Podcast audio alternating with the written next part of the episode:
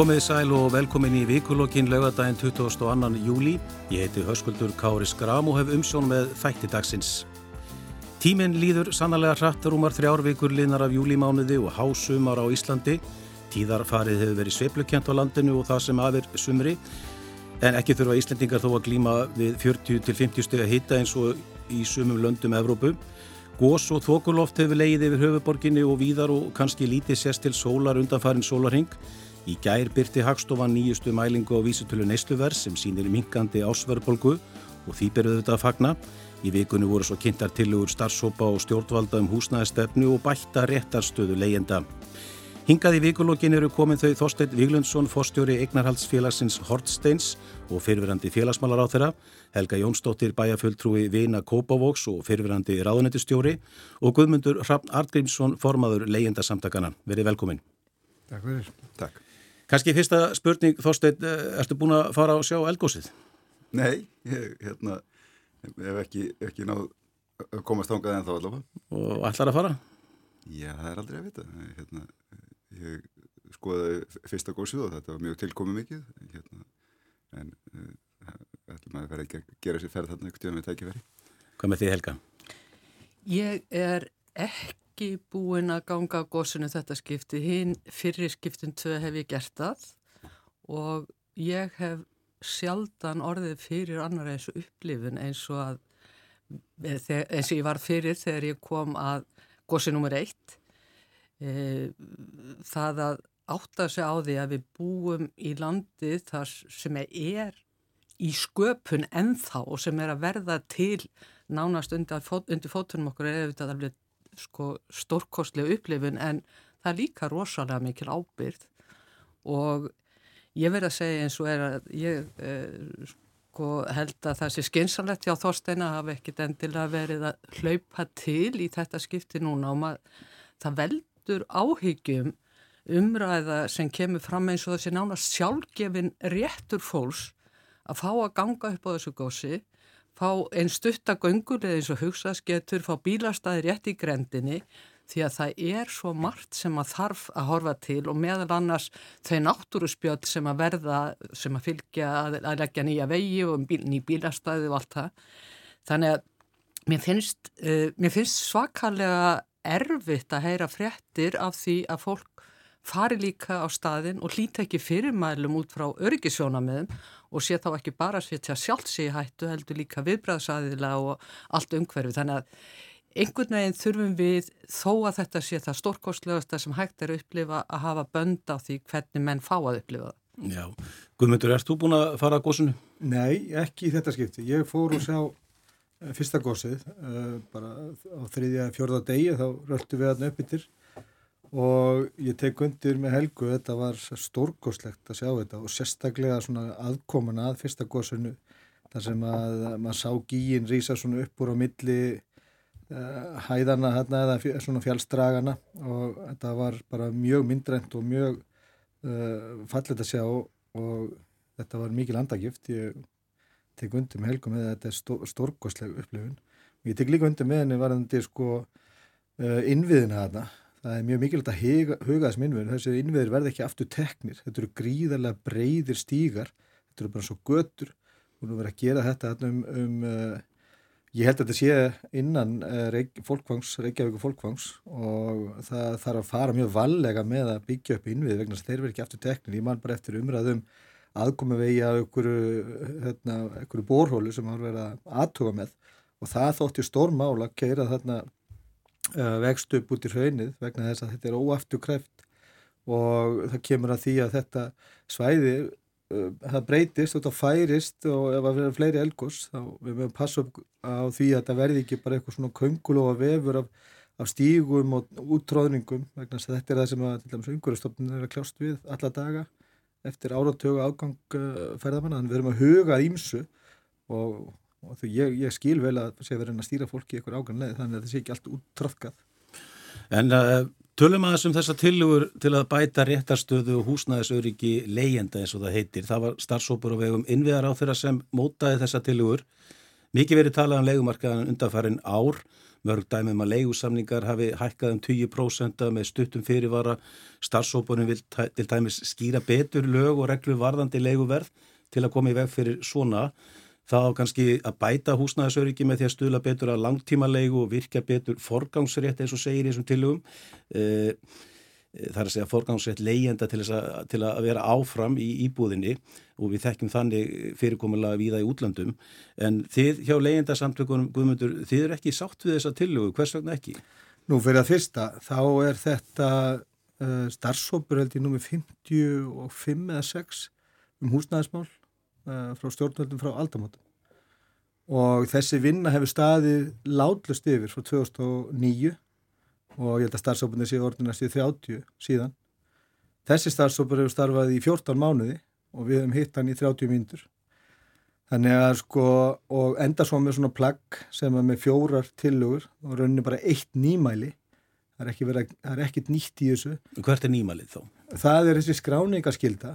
Það er eina nýmælið í þessu og reyndar það að þessi búið að banna vísutölutengingu eða mánaðlega uppfæslu á húsalegu samlingu sem eru stittri en 12 mánuður en það er markmið eins og segir að, að, að, að fjölga samlingur sem eru til lengri 12 mánuða og þá gildir aftur þessi mánaðlega uppfæsla á húsalegu samlingu þannig að þessi takmarkaða réttabót það mun mást af henni á mjög skömmun tíma. Þannig að einu nýmalin eru skráningaskilda og, og, og kall eftir upplýsingum sem þó eru mjög aðgengilegar Það eru til mjög nákvæmar tölur um framlegsla húsnæði, íbúafjölda, eignarhald, umsækjendur um, um húsnæðisbætur. Það eru til alls konar mælíka frá Hagstofunni allt fram til 2016. Af einhverjum óskiljanum ástæðum hætti Hagstofun að mæla starri legumarkaðar eins 2016 og það eru margt í, í, svona, í þessari gagnaöflun sem að, að dregur úr árið 2016 að vera að mæla til dæmis starðallar aldurshópa á legumarkaði og hefur, það hefur ekki verið gert. En það er að reikna sér fram að mjög nákvæmri niðurstöðu um starri leifamarkaðarins þannig að þessi ofur áhersla á gagnuöflun og hún sé eitthvað frum fórsenda fyrir sérkverri ákverðun og sérkverri viðbröðu stjórnvalda uh, og fyrir sé ekki að gera nokkuð hlut það er bara fyrirsláttur og mjög býræfin fyrirsláttur vegna þess að þess að tölu liggja alla fyrir. Og þannig að auðvitað eru við ósátt við þetta það er búið að vera að kalla eftir endurbótum á húsalegulegunum stanslust stanslust fór 2009 og stjórnvöld hafa sett ítrekka fram starfsópa um að bæta réttastöðu þeirra og svo endar þetta í plaggi sem í rauninni innir heldur ekkert vegna þess að forgangsættu leganda til dæmis hann er mjög vel tryggður í 51. annar og 3. grein húsalegulaga og raun mun betur tryggður í, í, í, núverðindu lögum heldur en þessu frumaströgum mjög betur vegna þess í 53. grein segir að við endur nýju samnings þegar búið verkið forgangsættin þá skal svo húsalega sem að ríki þá telja sangjöfna eðleg. Puntur. Við nýju uh, í, í, í frumbáströfunum er þetta sangirni og þetta eðlilega hugtæki sangirni hlekja við markaslega húsnæði sem á að koma fram í þessu gagningunni og það er tekið fram að að taka út fyrir svega alla ó, ódýra húsalegu og félagslega húsalegu svo það hafi ekki áhrif á reiknað markasverð. Þetta mun leiða til gífulegra hækkana á húsalegu vegna þess að eina sem heldur aftur af frekari hækkunum húsalegu og vel að merkja, hún hefur hækkað 143,5% frá mars 2011. Eina sem heldur aftur af þessu, það er versja húsalegu í HMS vegna þess að þar inni er, er hátt hlutfall félagslega húsalegu samninga og ódýra húsalegu. Þannig með það taka þú fyrir sviga og hlekja svo sangitins úttakið í húsalegu lögunum við markasleguna sem þeir ætla að hækka handvirt með þessu móti. Það mun gera stöðu leyenda verri. Þannig að þetta er í rauninni, þetta er aðför að leyendum og eftir öll þessi ár, eftir 60 starfsópa tæplega hjá stjórnvöldum á innan við alltaf fjörðungi, þá endur við með þetta og Já. það getur ekki annað verið en að það sé bara ætlun. Aðföra leyendum Þorstein, ég veit ekki hvort að þú hefði skoðað þetta mál þegar þú varst í félagsmálarraðanendinu á sínum tíma eða hvað? Uh, jú, ég, ég hafði náttúrulega nokkur aðkomað húsnæðismarkaði þá en ég var, var nú svo sem ég ráður í skamman tíma. Uh, sko, ég veist umræðanum um sko, bæði leigumarkaðin og, og, og húsnæðismarkaðin almennt uh, oft getur við sagt í svona stikluformi. Það, það vantar einhverja helstaði yfir sín.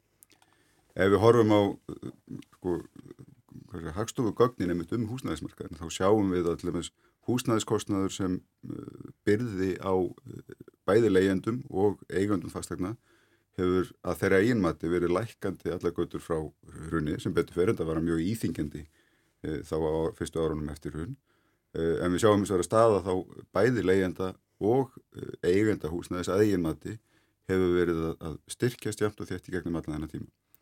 E, við erum búin að bæta inn í e, leikumarkaðin annars vegar mikill áherslu eftir hrunn á, e, getur við sagt, hérna svona fagleigufélög eða það væri til þá stærri leigufélög sem hefðu það að aðunni sinni að leia út húsnaði til þess að einmitt að reyna að auka fyrirsjáleika og stöðuleika á leigumarkaði að leigumarkaðarinn enginnst ekki bara af einstaklingum sem verður að leia út uh, eina eða tvær íbúðir í eigin eigu oft til skamstíma og það sjáum við að, hlut til þessara félaga hefur, hefur aukist verulega.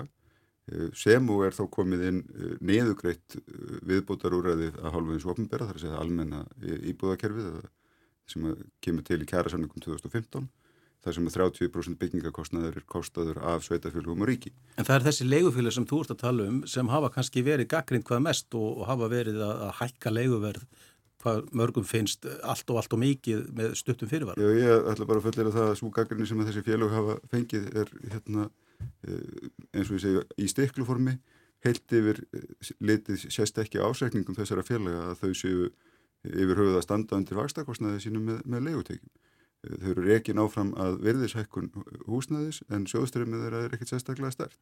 Þetta verður ítrekka verið bent á í þessar umröðu og endanum þurfa þessi félag að standa ströym af þeim kostnaði sem af þessum íbúðum hlýst og verðishækkun íbúðana kemur þeim ekki að nynnu gagni nema ef að tilþendur að selja þeirri og það sjáum við til dæmis að félag eins og heimstættin velur einfallega bara hættar ekstri leigu íbúða hér og uh, selja þessar íbúður út á almennamarkað þannig að það fara þá af leigumarkaði inn á eignamarkað sko, almennur leigumarkaður verður aldrei félagslegt úr að því hann verður alltaf drifin áfram að okkur markaskröftun þar að leiðan til hlítur leiguverð að fylgja fastegnaverði til lengri tíma litið e, það hefur það ekki gert á undarförnu og það er fyrst núna sem við sjáum að leiguverð er að byrja að hækka að ykkur ráði aftur frá því ja, árunum 2018-19 þegar það verður verulegt róf á millið þá leiguverðs og fastegnaverðs almennt.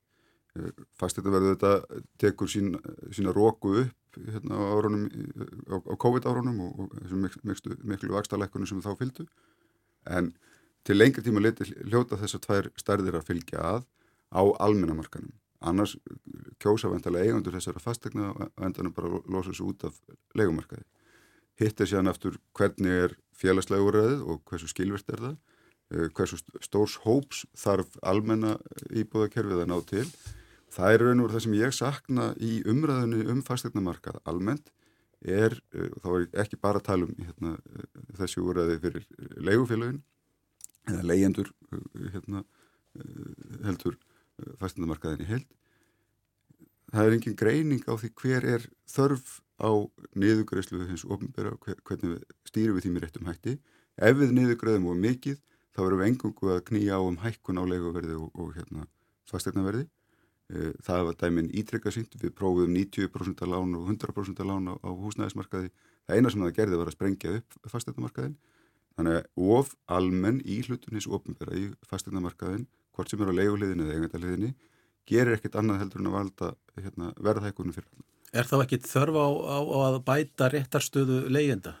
E, sko tvímælulegst má skoða það hvernig má með betur, með tryggja fólki stöðuleika á leikumarkaði sem er alveg augljóst að getur verið mjög lítill hérna, sérstaklega á hennum almennamarkaði. Helga það var og hefur verið kallað eftir einhvers konar leigu þakki eða leigu bremsu já miða við þessa, þessi orð Þorsteins þá er ekkit þörf á því?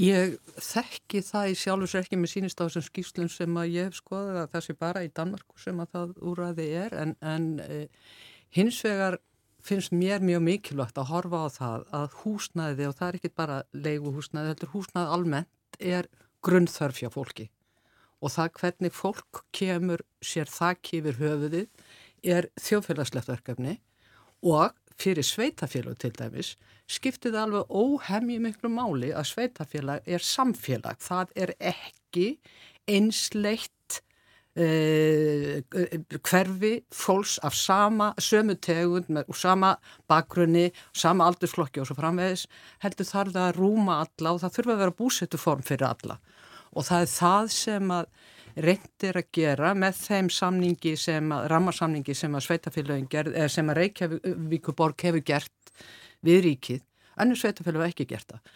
Það hins vegar skiptir alveg ofbóðslega miklu máli að það er skýrt að óhagnaðadrifnu leigufélagin er að bjóða upp á miklu betri kjör, miklu meiri hagfamni uppbyggingu heldur en leif ég mér að segja þau leigufélag sem Þorstein er að vísa til. Og af því að upphafspunkturinn er svo að leigana er verið að sangja bæði fyrir þann sem að leigir út og þann sem tekur á leigu að þá er þetta skiptir verðið í upphafi öllu máli. Og það sem að við höfum hort upp á er það að það eru ótrúlega dýrt húsnaði sem að leigu félög er að byggja. Með bílakjöllurum undir öllu, gjarnan á einhverjum þróunarreitum þar sem að þeir fá heimildi til þess að deiliskypuleikja sjálfur og deiliskypuleikja út frá svona ótrúlega einsleitni og ótrúlega frambóð, ótrúlega svona samþættu frambóði þar sem að sko engin grænsvæði eru þar sem að í rauninni er verið að búa til búsettu form þar sem grunnþarfinnar um byrt burtu og ljós og útivist og svo framvegs verða þetta alltaf útundan af því að mikilvægi þess að reyna ná fram hakkvæmni á þessum svæðum er svo mikil.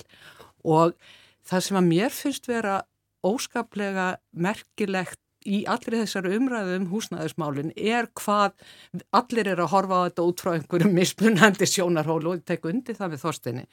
Ef ég horfi á eitt sem að mér finnst svakalega aðteglisvert þá er það að Eh, innveðar á þeirra gaf svar við fyrirspöld frá loga einarsinni á síðasta þingi um það hversu margar fullbúnar íbúður eru og hversu margar af þeim eru þannig að enginn er með lögheimil í þeim. Og skýringarnar á því hvort að fólk er með lögheimil íbúðu með ekki kunna að vera einhver, einhver leitt síðan námsmenn sem ekki hafa flutt sig en vantarlega er það aðalega vegna þess að íbúðunar eru leiðar út skamtíma leigu Þannig að það er að verða til einhver, einhver markaði fyrir ferðarþjónustuna sem ekki skila sér inn í nokkur einasta samfélag, í nokkur einasta sveitafélag og ef ég má bara vitna í tölur að þá er hér Reykjavíkuborg að þá eru 56.962 fullbúnar íbúðir. Af þeim eru lögheimil í 48.530, það þýðir það að 8.431 íbúð er notfið einhver skamtíma úræði sem mæntalega gefa afskaplega mikla tekjur en, en nýtast ekki til þess að leysa húsnæðistöf Íslendinga. Og meðan er allt verið að tala um endalösa skort á lóðum og endalösa skort á þetta í Kópavogi. Eru 14.793 íbúður fullbúnar og þar af 13.339 sem einhverjum er lögheimili 1.500, 1.754 íbúður eru þannig að enginn er með lögheimiliðar. Þetta þýður auðvitað hefur áhrif á, á, á skattgreðslu til bæjarins og, en aðalega hefur þetta áhrif á það hvort við erum með samfélag þar sem eru börn og fullarnir, gamlir og ungir, fallaður og ofallaður og allt þetta. Og það er þess vegna svo sorglegt að horfa upp á það að mér finnst uh, uh, húsnæðis og mannverkjastofnun vera komin með tæki sem að eiga að gera okkur kleift að kortleika þetta mjög vel en mér finnst eins og þegar ég horfa á það eins og þessi bara skráð inn í það nánast automatist án hugsunar og án hugsunar um það að húsnæðismarkarinn á að vera um öll búsettuform og að vera umgjörðum samfélag og heimili fyrir fólk.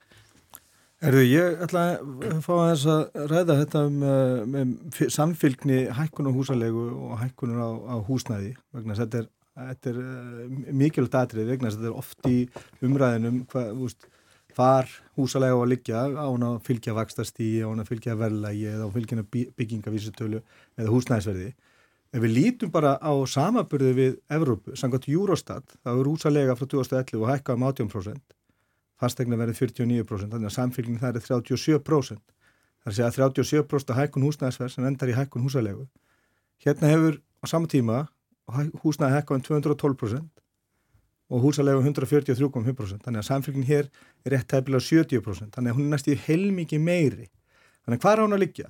Ef hún liggur í, á sama stað eins og á meilandi Evrópu, þá væri húsalega hérna rúmlega 30% lægri heldur í dag. Þannig að, að sko, það, þetta, allt, þetta má ekki vera eitthvað sér íslenskt fyrirbæri varðandi hvernig þessi, þessi hagstæri þróa saman vegna þess að húsalega almennt í Evrópu, hún fylgir verðlagi. Verðlag hefur hækkað um 70% frá, á, þessum, á þessum tíma, húsalega hefur hækkað 50% umfram verðlag. Þannig að hvað átt að liggja, hvar, hva, hvert er viðmiði fyrir húsalegu? Er það húsnæðisverð? Ok, gott og vel. Og í hvað, á, að hvað marki þá? Er það bara eitthvað svona sér íslenskt af vegna þess að hér er heimatilbúin skortur, hefur, hefur orðið algjör umpólun í eignarhaldi. Frá 2005 hafa 70,5% af öllu húsnæði sem byggt hefur verið á Íslandi endaði höndum þeirra sem að eiga eignir fyrir eða lögaðila. Þetta er 100% umpólun. Í fyrra voru einstakleika með eina íbúð engungu 30% af markan. Einstakleika með fleirin eina íbúð Hlutfall þeirra hefur næstu tvöfaldast frá 2016, var 14% og komið upp í 27% af kaupandamarkanum í fyrra. Þannig er ekki bara félög, þetta eru líka einstaklingar er, eða eignafólk sem er á íbúði fyrir. Þetta er ástæðan fyrir því þessum uh, miklu hækkunum á fastegnaverði. Það er ásokn eignafólks og fjárfesta inn á skortmarkað til þess að hagnast á legumarkanum. Það sína allar tölur hvernig húsalegu þróa langt umfram allar aðra hagstæðir heilmikið meirinn byggingavísitala sem er líka hækka um 70% frá 2011. Allstæðir í Evrópu er verið að miða við neysluverð sem mið, viðmið við hækkunum húsalegu nefnir Belgiu þar er miða við byggingavísitölu en það er stærðir þróast nú tiltölulega samliða. Þannig að ég spyr bara, hvert er viðmið við húsalegu? Er það bara hvað mikið þú kemst upp með? eins og virðist vera eh, gangverkið og hefur verið undanfærið neitt og halva áratu, bara hvað kemstu með upp með að rukka mikla húsalegu? Já, hérna, sko, bara, svo ég gleymi ekki, bara því að ég var að skoða þessu tölur um daginn, hérna, uh, sko, 62% íbúða í dag eru í eigu einstaklinga sem eiga eina íbúð. Og hlutalli aldrei verið læra? Nei, það var 72% fyrir kannski ykkur 10-15 árum síðan. Og lakkar um 0,4% ja. mill ára. Aldrei verið meiri lækun. Ég er, er, er hérna, talsmaður sérregnastefnunar, þar að, hérna, að ég tel alltaf, auðvitað bara ræðu fólk á endur hvað það vil gera, en komi fólk það gefur höfuð í eigin húsneði, þá bæði skapar það náttúrulega langbæsta stöðuleikan í, í bóðaforminu og á endanum bestu stöðuna þegar kemur inn á efri ár, það við sjáum það að eldri borgarar sem kominir raun á eftirlaun e, sá hópur sem í þingsti stöðu er eh, allega jafna er hópurinn sem er ennþá inn á leikumarkaði og er þar leðandi með óbreyttan framfyllkostnað að stórum hluta en, en verulega skertar tekjur. Þannig að, að ég hef ekki verið sérstaklega hrifin af umræðu sem fór að gera mjög vart við þessi eftirhugun að það veri óskeinsalegt fyrir fólk að fjárfesta í fastegni yfir höfuð af því að við fórum í gegnum egnabólu það er ekki langtíma eh, reynslu okkar sem þjóðar. Það er skinsamlegast eignaformi þegar við ætlum að vera búsett í landinu til langframa að eiga okkar húsnaði ef við getum. En það eru auðvitað ekki á færi eh, allra og þess vegna erum við með stuðningskerfi líka bæðin og eignamarkað og leikumarkað til þess að koma til móts við þá hópa sem leggsta tekur hafa hverju sinni En, en, þást, en eitthvað þessum að, að við getum ekki gert almennan leikumarkað að eitthvað félagslegu úrraði Eh, það hlýtur alltaf að vera val hérna, í frjálsu hagkerfi þar sem fólk ræðu hvað, hvernig það er ástafur eignum sínum, hvort að fólk áðar eða leiða þær út eða hvað það vil gera. Ef það er hagkomar að selja þær heldur en að leiða þær þá mun það mænt alveg að selja þær. Þannig að það er að leiðandi hlýtur á endanum leiguverð að fylgja fastegnaverði á þessum, getur við sagt, frjálsa almennamarkaði. Hvað við gerum síðan á, á sko, ofinberum neðugritum félagslegum markaði er allt annan handlegur. Sámarkaður þarf ekki að fylgja einhverjum hérna, markaslögumálum, öðru leiti heldur en því að auðvitað endan ekst kostnæður þá eins og ofinbæra á niðurgreislunum, þeim er meira sem hann víkur frá, getur við sagt, byggingakostnæði eða þá kostnæði við að eiga og reyka þetta húsnæði. En Þorstein, þetta snýst líka um, um frambóð og, og þú þekkir náttúrulega byggingamarkaðan mjög vel, eh, BM Valla er eitt af dótturufélögum sem þið reykið. Eh, já, hvernig er staðan í dag? Er verið að byggja nóg af íbúðum og, og, og nótið þess að standa undir eftirspurn? Sko, Ég held að þetta sé einn gullna spurning sem enginn getur á endanum svara akkurat í hverjum tíum punkti fyrir sig. Á endanum hérna, leitar markaðurinn alltaf eitthvað sjálfbæðis.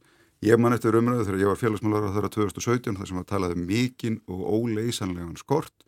Tveimur árum síðar voru vertakar komnir í byllandi vandraði með að selja íbúðir og sapnaðist upp mikill, miklar byrðir af nýjum íbúðum hjá vertökum sem að losnaði hjálmilega upp úr þess að ekki fyrir að, að Sælabanki lækkar vexti verulega í upphafi COVID. Þá eins og er uh, ríkur að stað mikil bilgi á fastættamarkaði einfallega af, þeirri ástöðu að vextir voru í slíkum lægðum sem við aldrei höfum kynst áður. Þannig að það var gríðarlega hagstætt að koma inn á fastættamarkaðin þá og það síndi sig við þetta vandanum að fastættina verði hækkaði gríðarlega hratt á næstu tveimur árum eftir. Núna eru við að sjá við andstaða, vextir hafa hækkað mjög mikið á skömmum tíma og það er aftur komin upp byrðavandi hjá, hjá byggingavertum. Þannig að menn eru ekkit að flýta sér að fara í nýjar framkvæmdir á meðan þeir eru enþá með óseldar íbúðir? Sko, nei, mér sínist reyndar, sko, ég held að markaðurinn sé miklu næri jafnvægi heldur en að, að afiláti í ofnbörum það. Ég held að það sé verið að ofmetta af hálfu húsnæðis og mannverkistofnunar langtíma þörfina. Ég myndi geta vel að sjá hérna, betur ofin í þær breytur sem þær eru að baki Það er engin áhrif á spáhúsnaði sem mannverkjastofnunar þegar hagstofan í manntæli komst að þeirri niðurstuða að íbúið verið áðmyndun um 10.000. Það var áfram, haldið áfram með sömu tölur. Uh, ég held að við séum að vannmetaðurinn voru flæði inn og út vegna ferðarþjónustu í bara, getur við sagt, fólki sem kemur hér til þess að vinna til skamstíma. Við skráum fólkið eðlega við innkomu, fólk þarf að fá kennetölu, það þarf að fá bankareikning og svo framvegis. En það er engin skilda til þess að skrá sig úr landi og þar held ég við sem að missa tölvert út úr skráningun hjá okkur þar og fyrir vikið að áðmeta mannfjöldan okkar á hverjum tíma. Með ferðarþjónustu sem hefur jafn mikið vægi í litlu hækjörðis okkar þá skiptir þetta mjög miklu máli. Ég held að markaðurinn, markaðurinn er að skila um, um það byrjum 3000 íbúðum út á hérna, í nýbyggingum á markaðina þessu ári. Það er spáð að verði svipað á, á, á því næsta. Þetta er svipað tala á kom inn á markaðina á síðast ári. Eh, ég finn það bara í okkar starfi að verktakar er ekkert mikið að slá af þrátt fyrir sölutrögðu. Það er ágætis gangur í byggingamarkaði áfram og þannig að ég hef trúið því að, að byggingamarkaðurinn sé bara að segla hér inn í þeir myndi kallast á íslenska meðlega hverja mjög mjúka lendingu eftir hérna, þensluna sem að varð og sé ekki ástæði til þess að vera með dómstæðspár. Eh, mér uh, finnst doldið aðtiklisvert að, að hlusta á tala um það þar sé skynsið með að eiga húsnæði. E, án þess að við áttum því hvort fólki er það mögulegt. Og mér finnst eitt sem er sko e, held ég að samin okkur þorstinn, það eru þessar e, spurningar um það hvernig íslenska fjármögnunar kerfið er þegar að kemur að vöxtum og verðtryggingu. Ég held að þess þekkist ekki dæmi annar staðar að það sé svona full verðtrygging og vextir sem eru jafn háir eins og hérna er og við erum að meðaltali með vextir sem ef, ef ég uh, skil uh, greinaðans Þorstis Pálssonar sem er mjög gaman að lesa rétt að, að þá er kannski uh, vextir annar staðar í Evróp um það beð þriðjungur af því sem er hjá okkur. Og það sem er vest er óréttlætið í því vegna þess að þessir vextir eru greittir af almenningi og fólki sem er bara með tekjur í íslenskri mynd meðan þeir sem að standa á útflutningi og eru með mestu, mest milli þeir sleppa með láguvestina og þetta býr til alveg sko óheirilegt óréttlæti í samfélaginu að við erum að e, setja þessar háu verðtryðu vakstagreðslur á herðar til þess að gera bara hluta samfélagsins. En ég, sko, ég held að þetta sé sko, eitthvað sem menn verða að horfa upp fyrir það að húsnæði sé fjárfesting. Báðir félaga minni hérna segja það að, að það hafi sko orðið að, að, að fjárfesting í fastegnum hafi farið vaksandi Eh, fólk, þeim fjölgar sem að eiga fleir en eina íbúð en þeim fækka kannski ekki sem er í vanda og eiga enga íbúð. Og það er það sem við þurfum að horfa stjögu við að það tala um það að mest í vandin sé lóðaskortur eða frambóða réttir tegund af lóðum. Mm -hmm. og það er sveitafélagana ráðstafa þeim lóðum.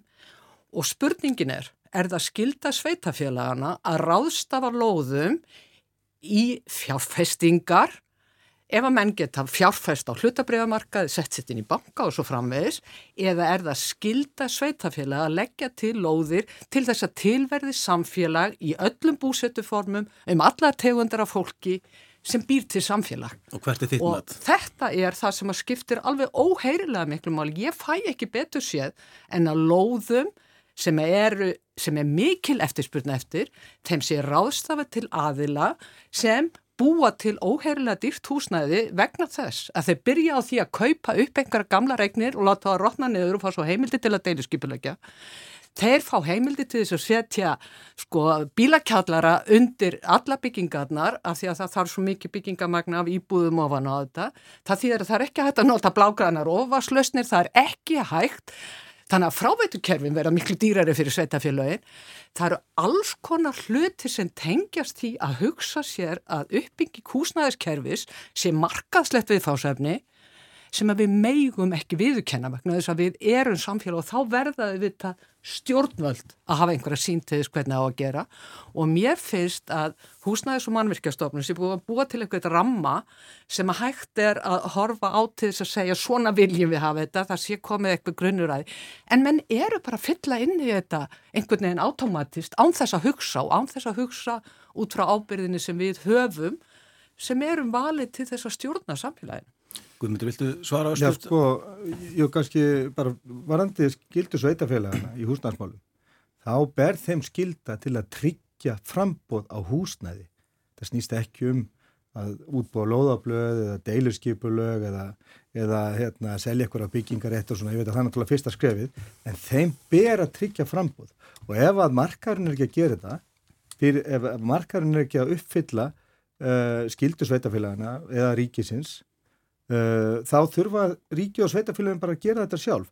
Við skulum bara ræða eins með sko hinn almenna frjálsa leikumarkað og verðlagningu honum. Ég er sammála að hérna, þyrtti ekki að vera einhver verðstýringa á hinnum almenna leikumarkaði ef að væri stór eða umfáðsmikill félagslega reikin leikumarkaður eins og er eiginlega í öllum öðrum öðrumbulönd. Árið 2018 erum við með 3,47% af öllu húsnæði í félagslegu reknum formi sem er langlegsta hlutat sem að sérst hefur í Európa. Við erum kannski konið upp í 4,5% í dag. Þannig að meðan að félagslega reikin legumarkaður er svona agnar smári í hennu stóra samengi, þá verðu við að vera með eitthvað stýringu á hennu uh, frálsumarkaði, sérstaklega þegar ríkiskortur og sveitafélagun og ríki er ekki inn á markanu sjálf, uh, þau, þau hafa lögbundar skildur. Ríkið hefur það skildur sem fyrstu grein um að tryggja öryggi og jafnbræði húsnæðismarkaði. Það er fyrsta grein í lögum um húsnæðismál og sveitafélagin hafa skildur að tryggja frambáð á húsnæði og ef að byggingageirinn eða fastegnageirinn og fjárfestar eru ekki að leysa úr svona skildum þá verður þess að aðra að gera þetta sjálfur. Það er bara deginu ljósara og það hefur sínt sig með að við þennan skort sem við upplifum vegna þess að auðvitað uh, búum við, við skort meðan við erum með mestu þjettni íbúa per heimili í Evrópu. Við erum sko 20% meiri þjettni inn á heimilum á Íslandi heldur en annar staðar í Skandinavi. Við erum með, með 2,6 og 2,5 og 2,6 íbúða per íbúð með endur undir tveimur í, til dæmis í Finnlandi og Danmark. Og auðvitað, og þegar við erum með 748 umsóknir um eina íbúð á legumarkanum, er þá ekki skortur á húsnæði? Ég, veist, ég, ég skil ekki alveg hvernig við getum hérna, sko, reikna okkur fram að það sé ekki skortur og markaður með hvernig, uh, hvernig hérna, íbófjölgun hefur verið hérna, undanfannum 5-6 ár og framleina húsnæði og líka eignarhaldið og þetta líka með að, að hér stendur hugsanlega mikið af húsnæðim aukt bara út frá þessum tölum um, um hérna, lögheimilskráningar og það er til dæmis það sem að mörg ríki hafa verið að breyðast við.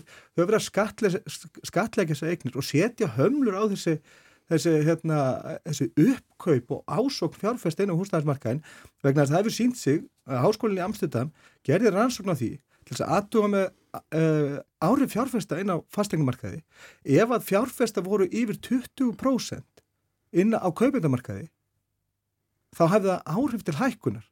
Þannig að þeir hafa þau áhrif að fastegna verð hækkar ósjálfbært kom, eh, sko, að öðru leiti myndi hann, ef markaðin var jafnbæði, og þetta þarf að taka á. Þetta er kannski stóri vandin. En það er, kannski, það er kannski rétt að benda á að í kvítbók stjórnvalda sem var kynnt núna í vikunni þá er lagt til að fastinagjöld á íbúðir sem ekki eru nýta til búsetu að þau fastinagjöldi verði hækkuð til þess einmitt að, að, að breyta því ástandi sem að hér hefur verið talað um. En það er kannski rétt að lifa þóstinni að svara þessu áður en í skiptum umræðumni. Já, ég, hérna, mér finnst þetta bara mjög skemmtilega og áhugaverð umræð og þetta er kannski einmitt á endanum að kristallast í því viljum við, eða treystum við því að uh, sko það er enginn sem segir að markaðurinn eða markaðsbúskapur sé eitthvað fullkomið fyrirbæri. Það er bara um, um það skásta sem við höfum fundið. Með sama hætti, líðræð er ekki fullkomið það er bara skásta stjórnunar fyrirkomulega sem við höfum fundið. Þetta er tæki til þess að, að reyna aðalagast breytingum á, á, á markað á hverjum tíma síðan er það þetta stjórnvalda að reyna að grípa þá til þeirra aðgerða sem þau telja hverju sinni að nöðsilegt sé til þess að, að, hérna, að koma til mót við þá hópa sem að segja, ekki ráða þá við uh, það sem markaðurinn er að bjóða upp á hverju sinni.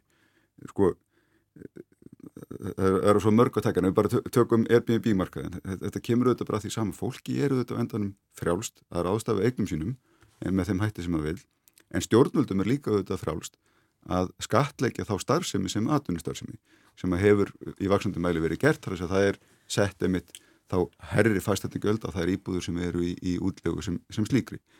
Líkilatrið eins og stjórnmálta þegar kemur að húsnæðismarkanum fyrir íbúa landsin sem vissulega er mikilvægast að grunnþörun okkar hér, hér sé til nægt frambóð af húsnæði er þá fyrir sveitafölun fyrst og fremst. Tryggja nægt loðaframbóð e, af fjölbreyttum loðum og við verðum að hætta að tala um miðborg Reykjavíkur sem miðpunkt húsnæðismarkaðar á Íslandi húsnæðismarkaðurinn hér á Suðvesturhóttinu er miklu, miklu stærri heldur en miðborg Reykjavíkur. Það er ekki bara eftir að benda þéttingu Reykjavíkur og segja að það er vandamálið. Það er þéttingi í Kópavogi líka en á sama tíma eru Suðunisinn, Árborgarsvæði, Hveragerði, Þollásöfn, svo mætti áframtelja að spretta upp með mikil íbúðabyggingu þannig að, að það hefur verið tviðsusunum hraðari uppbygging íbúða í þessum kraga frá Akranissi til, til Suðunisina heldur á höfuborgarsvæðinu sjálfu. Það glemst alltaf að tala um þetta. Það er fólk að fara í ódýrari lóðir, hafkamar og húsnaðið ekkur leiti, fjöldi fólk sem sækir eins og vinnu hérna á höfuborgsvæði og það er ekkit ólíkt því sem við sjáum uh, annar staðar. Uh, þegar við horfum á, á hérna, stuðningskerfið við fasteinamarkaðin þá eru við átt okkur því við erum með held ég sju eða átta mismunandi stuðningsform stjórnvalda við fasteinamarkað, leigu og egna. Við erum með félagslega kerfið, við erum með almenna íbúðakerfið, við erum með hérna, vakstabætur og húsnæðisbætur. Við erum með nýtingu á sérregnarspartnaði bæði til niðugræslu lána og til fyrstu kaupa. Og svo erum við með þá hérna, þessi hlauteldarlán sem er nýjasta viðbútin. En er þetta vakstabótakerfi ekki nánast orðið ó, ó, svona ómartækt, það er stuðullin orðin þannig að fólk þarf helst að vera með sko undir lámastekjum til þess að Jú, fá okkur bætur? Það er alveg klart mál að vakstabótakerfið er, er orðið vel úr sér gengið og ykkur leiti hafa stjórnult sett stefnun og það nýta sérregnarspartna til niðurgræslu lána frekar heldur en vakstabætur. Það þarf þá að taka pólitísku umræðan um það hvort að það sé skynsælögt til lengri tíma litið. Ég teldi skynsælögt að, að við værum bara með húsnæðisbætur sem héttu hérna, einfald, einfaldur stuðningur bæði til egna og leigu uh, til tekjulegstu hópana þannig að það væri markvist unnið að því að hjálpa þeim sem er unnurlega þurfa að hjálpa að halda en ekki dreifa þessu og smyrja þessu alltaf þund út. Síðan er það á, uh, bara álið efnið viljum við nýta sérhætnarspartnaðir, ég tel um skynsaman sem sparta til fyrstu kaupa en kannski ekki endilega fyrir okkur sem miðaldra eru til niðurgröðsla húsnæðislanum okkar. En fyrir ykkur sem voru að koma viðtækjanum, þau sýti hérna Þorstedt Vílundsson, fórstjóri og fyrirverandi félagsmálar á þeirra Helga Jónsdóttir, bæjarfullru í Kópavogi og fyrirverandi ráðunættistjóri og Guðmundur Hrafn Argrímsson formaði leyendasamtakana. Við gætum alltaf að tala um þennan legumarkað held ég í allan dag en, en með langar að skiptum umræðefni. Við fengum nýja verðbólgumælingu í vikunni verðbólgan eh, mælist 7,6% þar sé ásverðbólgan og fer mingandi Helga, eru þetta stýrivextinni sem eru að loksins að býta?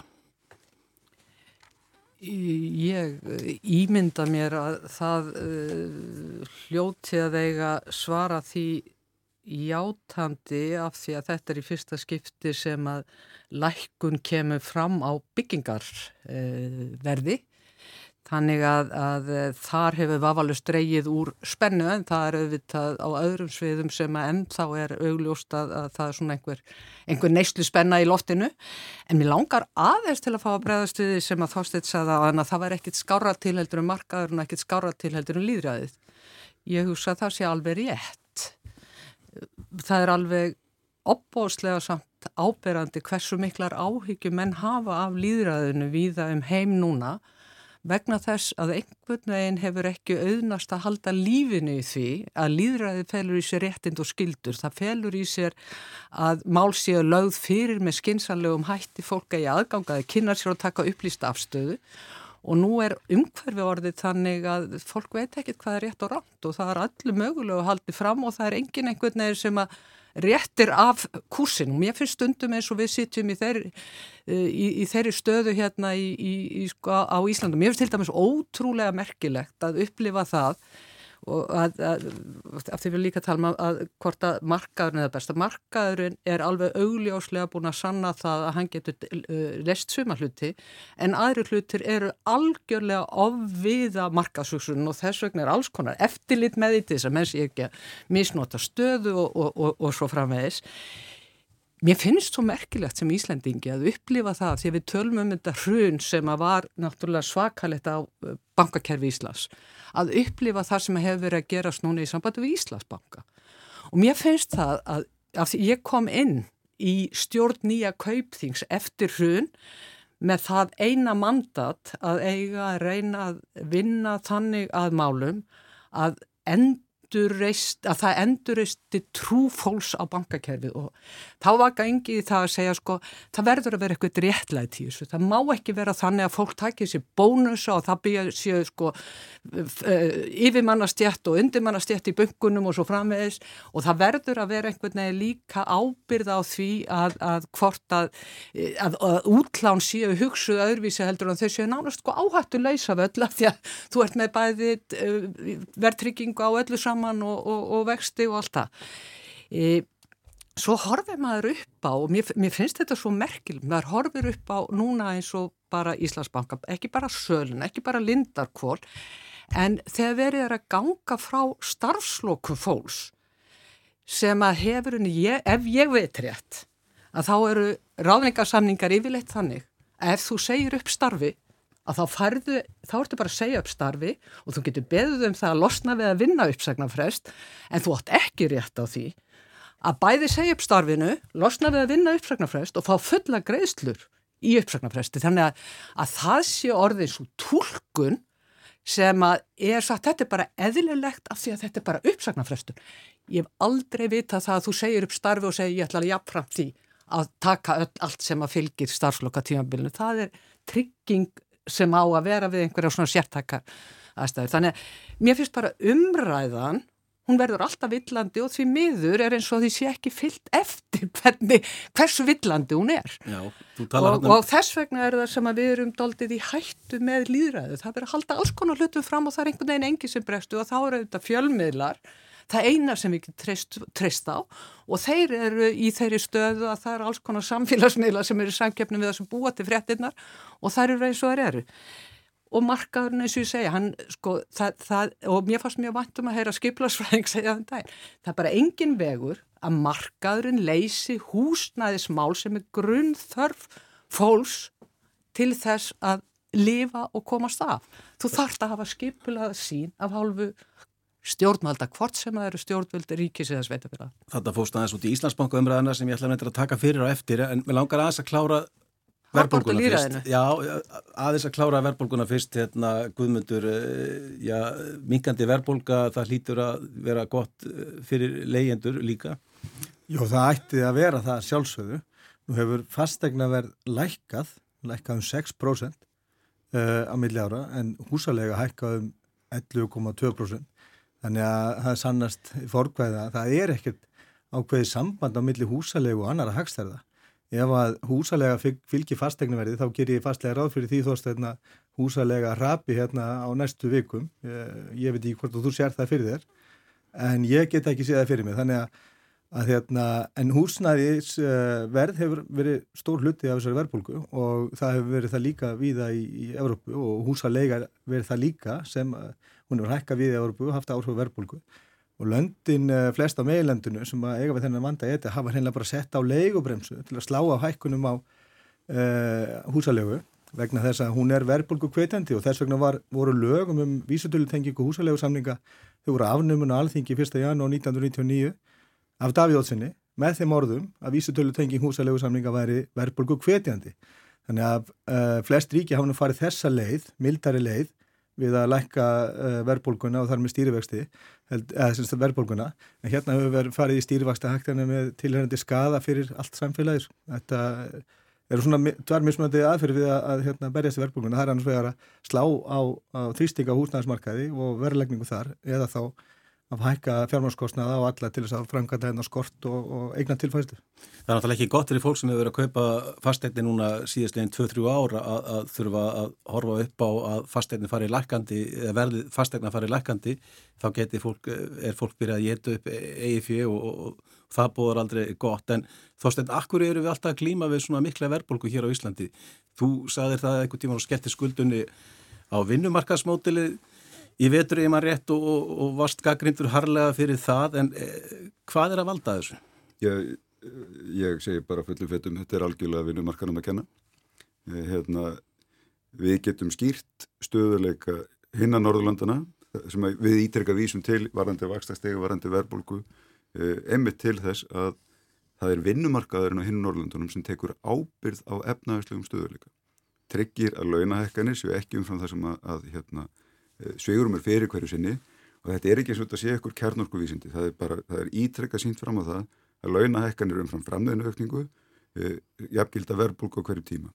Ef við tökum 30 ára meðaltar Norðurlandana þá passar þetta bara mjög vel meðal launahekkanir er um 3,5% e, meðal framleiðinu aukning liðilega 1,5% ári og verbulgan er um 1,8% meðaltala ári yfir þetta 30 ára tímabil.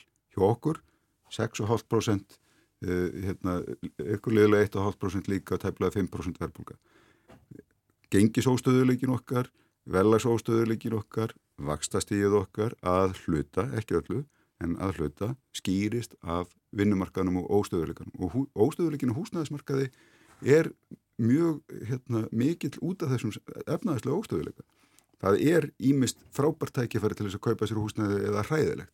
Þannig að fólk er ímest að æða út á markaðin eða fyrirheldur en það ætlaði sér eða halda sér höndum þegar það þarf að fara af því að það telur ekki rétt að tíman til að fara inn. Núna eru við með tímabúin þar sem fólk er greinilega að halda sér höndum af því að verðbókan er há og vextit er mjög háir. Við þurfum, eh, sko, við helga erum alveg öruglega samherjar í því að við myndum vilja sjá hér annan gældmiðil sem að skilaði okkur hérna, mun læra að vaxast í heldur en við þekkjum.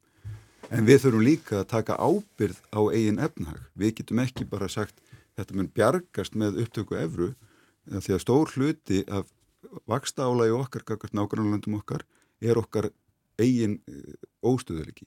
Heimatilbúinu vandi sem við viljum ekki taka á. Og ég held að það sé bara ástæða til þess að, að spyrja verkefæliðsfórustuna ítrekkaða því hvernig í óskopunum stendur á því að hinn Norðurlöndin hafa ekki tekið upp þeirra vinnubröð á undarfötnum árum áratugum meðan að við verðumst ekkert hafa lært af, frendum okkar uh, þar. Hvor leiðin er hinn rétt að leið? Mér finnst að vera augljóst og það er einfallega það sem að vinnumarkas hægfræðin segir okkur í svona miðstyrðu kjæra samlinga líka eins og við erum með þar sem að laun eru ákveðin af uh, mjög sterkri verkalýshefingu sem að hér er yfir 90% vinnumarkaður skráður í verkalýsfélag og ég tekka fram, ég er stuðningsmaður þessa fyrirkomlags, ég tel að hafa marga mjög góða kosti fyrir hérna, samfélag, ég tel að norranna líkanið sem slíkt með þessi sterkuverkalisefingu, með markastrifið hagkerfi, en sterkaverkalisefingu og stert velferðarkerfi e, sé einmitt það líkan sem hafi skilað hvað bestum samfélug. En snýst þetta samt sem aðra ekki um það hvort kemur undan uh, ekkið eða hænan? Þú tala uh, ástæðan fyrir því að verkalisreifingin er að byggja um uh, hækkanir er út af því að það hafa alltaf hefur eitthvað gerst þarna undan það er, uh, það er við erum með verðtryggð lán, við erum með já, hækkanir sem eru sem fólk vil eðlilega fá það, það tilbaka sem hefur rýrnað í verðbólgu.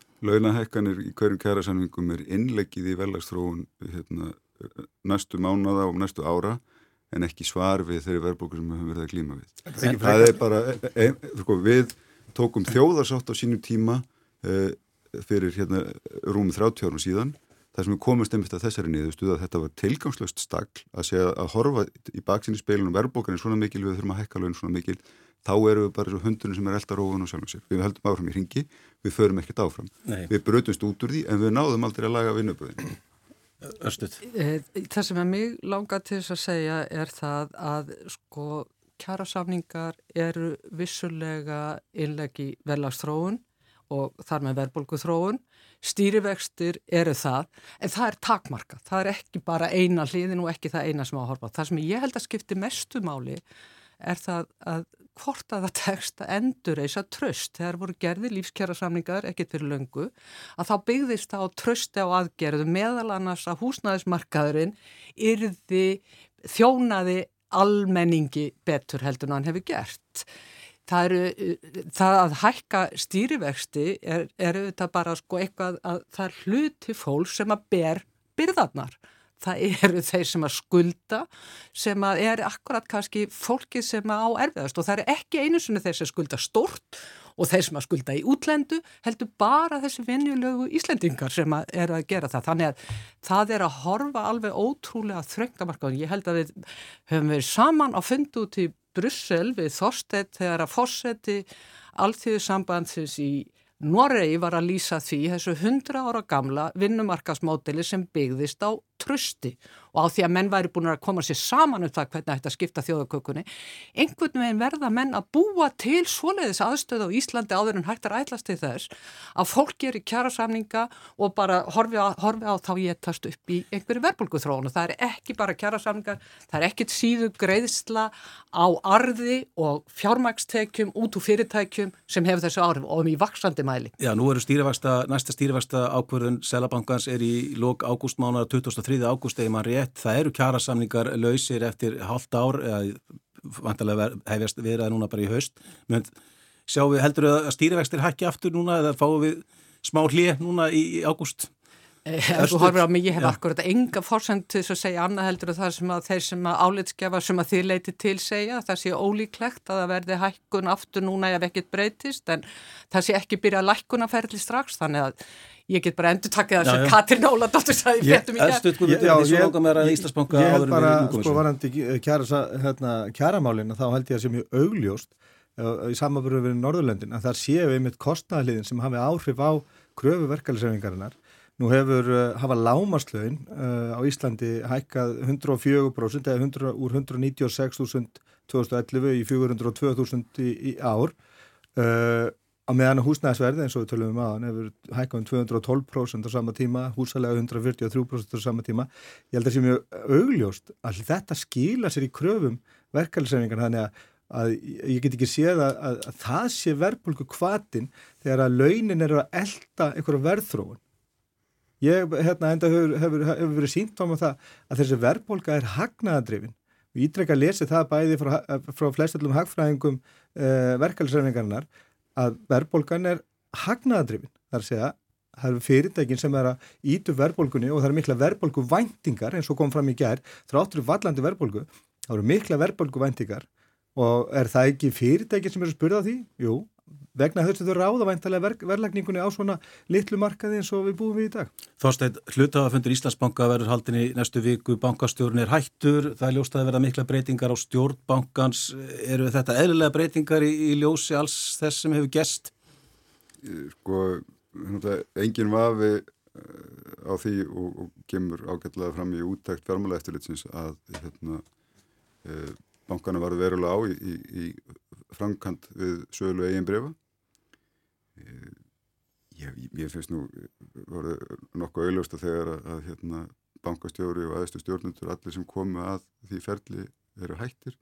Eh, eh, spyr mér enda hvort það sé skeinselt að skipta út allir stjórn bankans í, í einu lægi sér lægi hugaður að því að, hlutinnar kom nú bara inn held ég einhverjum tveimur, þreimur dögum fyrir söluna eða hvernig það var. Hérna, það er aldrei heppilegt að skipta út heitli stjórn en uh, ég sýnist þetta að vera bara mjög afgerandi viðbröð við uh, úttækt á fjármála eftirlitsins og hljóta að ljúka málun. Helga, þú komst að þessu máli áðan en finnst þér bankin hafa axlað ábyrð á þessu máli? Ekki finnst mér þannig, þetta er viðskiptabanki minn og ég hef áhyggjur af því en, en hins vegar þá finnst mér að við uh, þurfum einhvern veginn að, að uh, komast, komast í þá stöðu að við getum treyst hvert öðru. Og það er mikilvægt að menn átti sig á hver á að gera hvað.